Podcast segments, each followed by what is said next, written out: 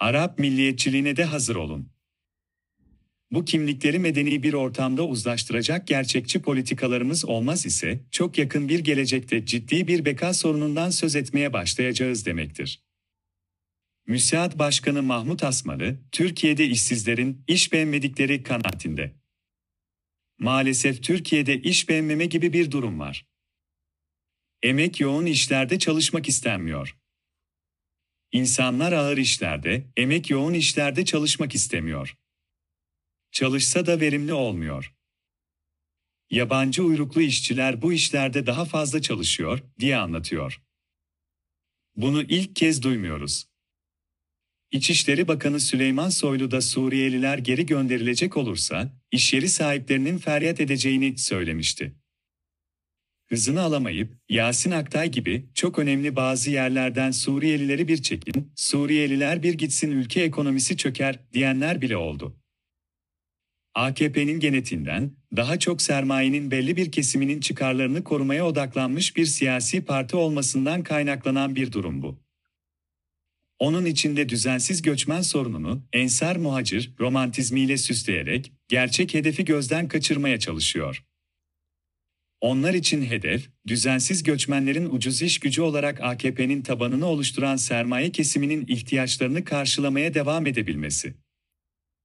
Bir işte çalışan Suriyelilerin sayısının 1 milyona yakın olduğu, bunların %90'ının da sosyal güvenlik haklarından mahrum olarak kayıt dışı çalıştırıldıkları biliniyor. Deyim yerindeyse Anadolu kaplanlarının ucuz iş gücü ihtiyacı bu insanlar tarafından karşılanıyor. Muhalefet partileri ise konuya belli ki salt, oy açısından bakıyorlar ve değişik tonlarda da olsa ana politikaları geri göndermek üzerine. Davul zurna çalarak yollamak isteyen de var, kolundan tuttuğu gibi kapı dışarı etmek isteyen de. Görebildiğim kadarıyla, iktidarın da muhalefet partilerinin de bu ciddi sorun için geliştirmiş oldukları ciddi bir politika yok. Varsa da o bizlerden o kadar iyi saklıyorlar ki haberimiz olmuyor. Hep yazıyorum, tekrarlayacağım.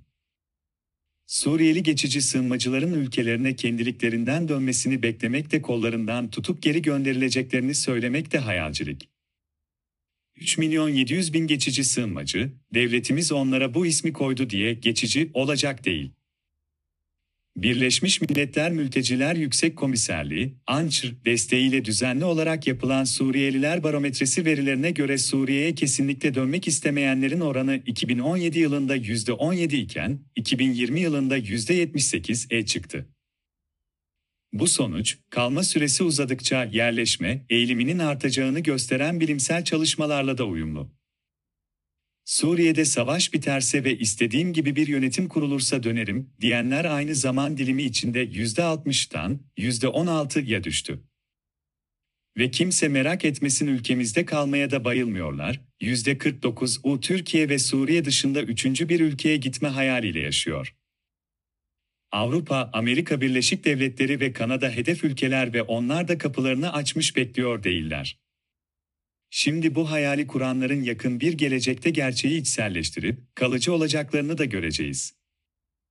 Onun için muhalefetin, geri göndeririz, sığlığındaki sığınmacı diskurunu bir kenara bırakıp ciddi bir uyum programı için hazırlık yapmaya başlaması, iktidarı buna zorlaması şart. İktidarın da muhalefetin de ihmal ettiği, görmezden gelmeye çalıştığı gerçek, yabancı düşmanlığının bu ülke insanının önemli özelliklerinden biri olduğu gerçeği. Böyle onlarca araştırma var, insanlarımız sokaklarında, apartmanlarında yabancı komşudan hoşlanmıyor, istemiyor. İster Suriyeli olsun, ister Pakistanlı, ister İsviçreli. Bizde ırkçılık olmaz diye kendimizi avutabiliriz elbette ama bu adı üzerinde avuntu olur. Suriyeli sığınmacılara karşı sergilenen yaygın hoşnutsuzluğun bir sonucu da var elbette. Kendisini karşıtıyla ifade etmek durumunda olan bir Suriyeli milliyetçiliğinin hızla gelişmekte olması. Bugün sosyal medyada çocukça şakalarla tanık olduğumuz bu milliyetçiliğin derinleşeceğini söylemek için falcı olmaya gerek yok. Bu insanlar kendi kültürlerini, dillerini kısaca kendilerini bir millet yapan her şeyi korumak isteyecekler ve milliyetçi duyguları yenebilecek bir güç de henüz icat edilmedi.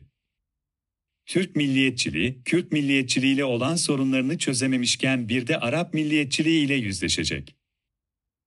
Bugüne kadar sessiz azınlık olmayı zorunluluklardan dolayı içine sindirmiş görünen Arap kökenli Türkiye Cumhuriyeti vatandaşlarını da kapsayacak bir Arap milliyetçiliği rüzgarına da hazır olalım. Ana dilde eğitim taleplerinin yeni bir boyut kazanacağını da şimdilik not edip geçeyim. Bu kimlikleri medeni bir ortamda uzlaştıracak gerçekçi politikalarımız olmaz ise çok yakın bir gelecekte ciddi bir beka sorunundan söz etmeye başlayacağız demektir. Bu nasıl bir suç? Kadir Gecesi içki içmenin ve bunu başkalarıyla paylaşmanın laik bir hukuk düzeninde nasıl bir suç oluşturabildiğini hala çözebilmiş değilim. Savcı o kadar kızmış ki mahkemeden tutuklanmasını bile talep etmiş. Hakim biraz daha insaflı çıkmış, haftada üç kez karakola gidip imza vermesi şartıyla bırakmış. Ama savcıya da bu nasıl suç savcı bey demeyi akıl etmemiş. Belli ki hakime de gayet normal görünüyor bu durum.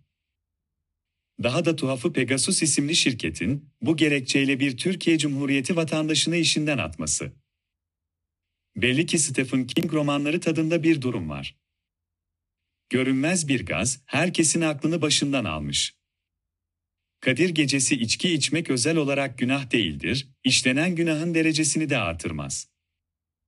İnançlı bir Müslüman için içki içmek her zaman günahtır. İnanmayan bir insan için ise günah filan değildir, kişilik haklarıyla ilgili bir karardır, isterse içer istemezse içmez. Buna hakim de savcı da işveren de karışamaz. Savcının yaptığına suç uydurma denilir.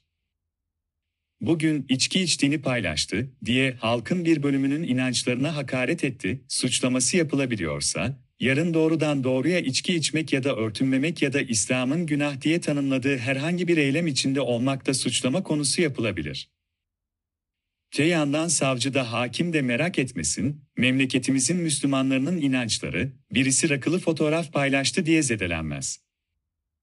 Müslümanlar bilir ki herkes kendi hesabını kendisi verecek. Buna inanmıyorsanız zaten dindar da sayılmıyor olmanız gerekir.